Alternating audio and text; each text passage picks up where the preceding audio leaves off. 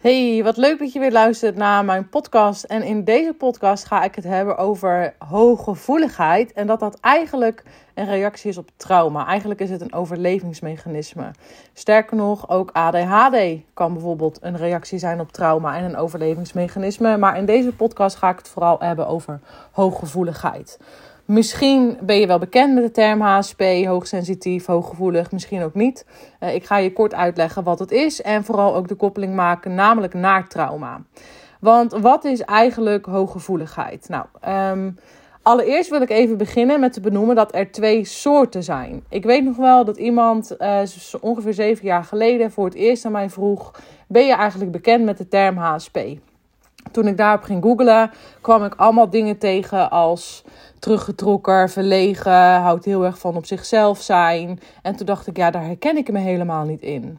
En toen ontdekte ik dat er ook een tweede variant is van hooggevoeligheid, namelijk de extraverte variant, die ook wel de high sensation seekers wordt genoemd.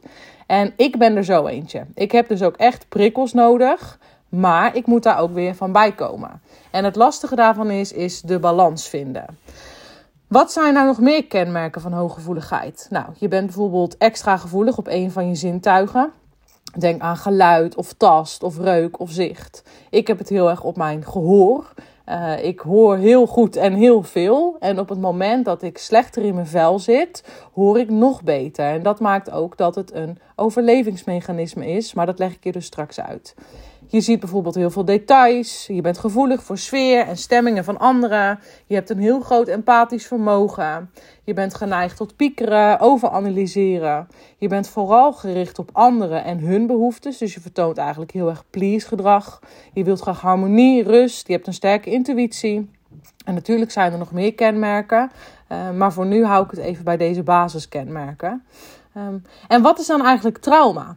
Want bij trauma wordt er al heel snel gedacht aan hele grote dingen, zoals bijvoorbeeld seksueel misbruik of mensen uit de oorlog of mishandeling. Maar trauma is veel meer dan dat. Een trauma ontstaat doordat de gebeurtenissen niet goed verwerkt worden in je brein.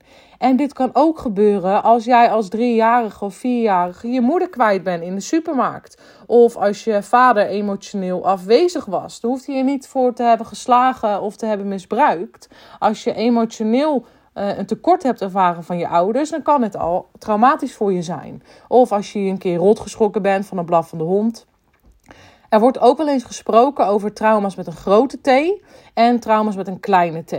En hoewel ik deze vergelijking wel begrijp, zit hier ook een risico aan. Namelijk dat jij jezelf gaat vergelijken met anderen en denken dat het van jou wel meevalt. En laat me vooropstellen, het valt nooit mee, omdat het over jouw eigen beleving gaat. Als jij er last van hebt, is het erg genoeg en daarvoor hoef je jezelf niet te vergelijken. Dus ook als jij je afvraagt of jouw klachten bijvoorbeeld erg genoeg zijn om aan een coachtraject te beginnen of naar de psycholoog te gaan, uh, ja, uh, als jij er last van hebt, is het erg genoeg. Dat is je maatstaf. Er zullen altijd mensen zijn die het slechter hebben dan jij, maar er zijn ook altijd mensen die het beter hebben dan jij. En eigenlijk doet dat er dus niet toe. En juist als hooggevoelig persoon ben je waarschijnlijk geneigd om jezelf wel te vergelijken en aan te passen. Maar ik wil je hierbij op het hart drukken dat dat echt niet nodig is. Um, dat je echt, als jij het als vervelend ervaart, als jij ergens last van hebt, dat dat reden genoeg is om in beweging te komen. En dus ook dat jij iets als traumatisch kan hebben ervaren, wat een ander misschien niet zo vond. Maar dat maakt dus niet uit, want het is jouw gevoel, het is jouw ervaring, het is jouw beleving. Uh, en het kan dus zijn dat het bij de ander wel goed wordt verwerkt en bij jou niet, wat zorgt voor trauma. En wat maakt dan eigenlijk dat ik hooggevoeligheid zie als reactie op trauma? Dus als overlevingsmechanisme, als iets wat je hebt ingezet om jou te helpen overleven. Nou, het is dus wetenschappelijk bewezen dat de impact van de geboorte heel groot is um, en heel veel invloed heeft op hoe jij in het leven staat. Als jouw moeder veel stress heeft ervaren, wat in deze tegenwoordige tijd best wel uh, normaal is en veel voortkomt, omdat we in een hele stressvolle tijd leven. Het is niet voor niks dat het aantal burn-outs zo groot is.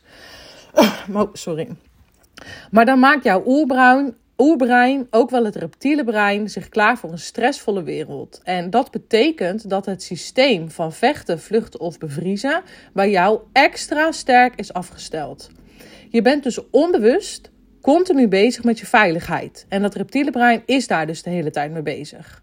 Het doel van je reptiele brein is namelijk om jou veilig te houden en gevaar te scannen, zodat je daarna kan handelen. En dan kan het dus zomaar zijn dat als er ergens een pen valt, dat jij je helemaal rot schrikt. Omdat het voor jou heel erg hard binnenkomt. En met je bewuste brein denk je, ja, het is maar een pen. Maar in je onderbewustzijn en in het oudste stukje brein ligt het dus opgeslagen als gevaar. En ook please gedrag kan al in je moeders buik gebeuren. Want je hebt misschien daar al geleerd om je uh, weg te cijferen, om aan te voelen wat je moeder nodig heeft. Om je rustig te houden, omdat je moeder het al zo zwaar had. En daar ontstaat please gedrag dus zelfs soms al. Kun je nagaan hoe diep geworteld dat eigenlijk in jou zit. Als je dan ook nog eens in een onveilige situatie opgroeit, dan ontwikkelt dat beschermingsmechanisme, dat overlevingsmechanisme zich nog verder. Want je hebt namelijk heel goed geleerd om te kijken naar je vader, om uh, te zien of je wel of geen grapje kon maken. Je zag die kleine beweging in die wenkbrauw of dat kleine trillende lipje. Daar, dat, dat heb je allemaal leren lezen voor je eigen veiligheid. Want als dat namelijk wees dat je vader een woedeuitbarsting zou krijgen, dan hield jij je wel gedijst. Of misschien heb je wel geleerd om heel grappig te doen, om de clown uit te hangen, om zo de spanning weg te halen. Of dus heel erg voor je moeder bent gaan zorgen, omdat je haar wil ontlasten. En dit zijn dus eigenlijk allemaal kenmerken, hè? die sfeer aanvoelen, die details zien, die harmonie willen bewaren, die als hooggevoelig worden bestempeld en dus eigenlijk een reactie zijn op nare gebeurtenissen. En het is gedrag wat jou heeft geholpen om te overleven, wat jou heeft geholpen om het veilig voor jou te maken. Als kind heb je daarin ook geen keus, dat is gewoon wat je doet. Uh, en later als volwassene kun je daar wel last van krijgen. Wat er eigenlijk ook vaak gebeurt bij, bij hooggevoeligheid, is dat er een soort van trucjes worden aangeleerd. Zoals jezelf bijvoorbeeld beschermen voor energie. En waarom noem ik dat trucjes? Dat is omdat het op lange termijn niet voldoende helpt. Omdat je dit continu bewust moet doen, terwijl er iets in je onderbewustzijn afspeelt. Het kost je daarom enorm veel energie en heel veel aandacht dus om daarbij ehm, bij te blijven. Um, en er wordt ook wel eens gebracht alsof het normaal is dat je als hooggevoelig persoon vier dagen moet bijkomen van één dagje winkelen. En heel eerlijk, dat is niet normaal. Natuurlijk is het goed om te weten wat je energie kost uh, en dat je daarna handelt, of wat je energie geeft en dat je daarna handelt. En natuurlijk is het goed om een dag bij te komen als je een dag heel druk bent geweest.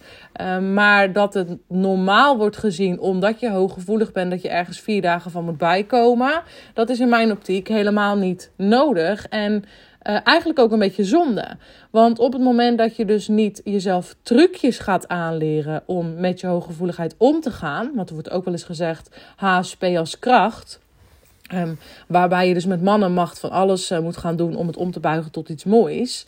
Dan kan je juist beter met die onderliggende laag aan de slag gaan. Zodat die kenmerken van hooggevoeligheid afnemen. Zodat je minder last van al die dingen krijgt. Zodat je minder op de ander afgestemd staat. Want dat is wat je doet. Je bent de hele tijd bezig met de ander. Uh, in het perspectief van veiligheid voor jezelf.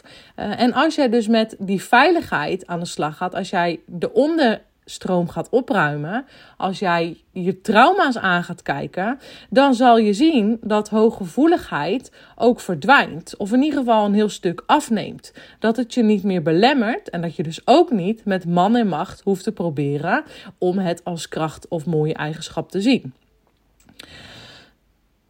En misschien denk je wel, ja, trauma's. Ik weet helemaal niet wat voor trauma's het zijn. En ik vind het zo'n groot woord. En dat snap ik ook. Dat kan ik me echt heel goed voorstellen. Um, maar jij hoeft dat ook niet te weten.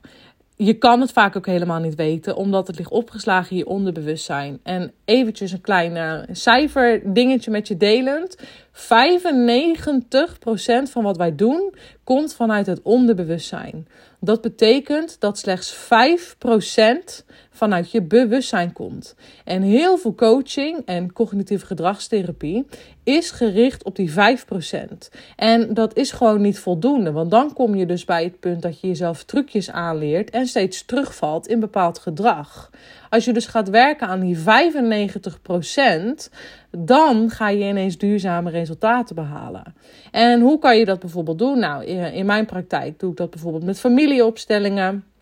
Um, dieptesessies, maar ook innerlijk kindwerk. Omdat het heel erg dus gaat om kindstukken. Omdat het gaat om uh, onveiligheid wat jij als kind hebt ervaren. Wat je nu nog als volwassene met je, met je meedraagt.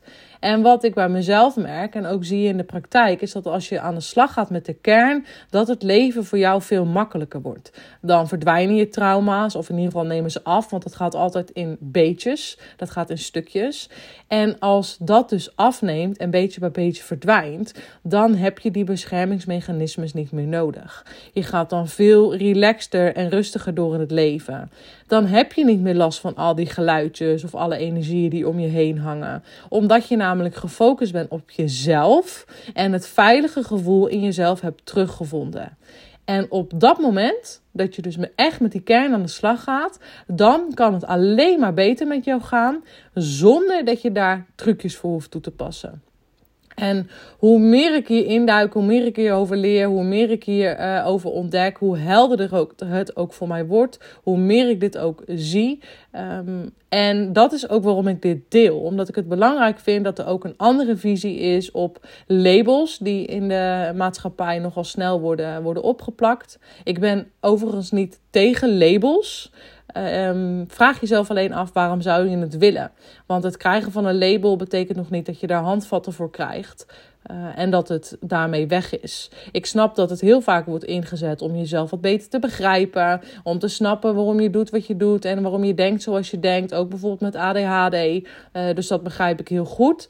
Uh, ik hoop dat er dan ook wat mildheid en compassie voor jezelf ontstaat. En weet dus dat al deze klachten kunnen afnemen op het moment dat je met de dieper liggende laag aan de slag gaat. Ik ben heel benieuwd hoe jij hier tegenaan kijkt. Ik vind het super leuk om van je te horen. Doe vooral een berichtje op Instagram en laat me even weten: ben je bekend met hooggevoeligheid? Ben je het misschien zelf? En als ik dit zo met je deel in het kader van trauma's, herken jij dat dan? Wat vind je ervan? Nou, lijkt me leuk nogmaals om van je te horen. En ik wens je voor nu een hele fijne dag, middag, avond, wanneer je dit dan ook luistert. En uh, tot de volgende podcast.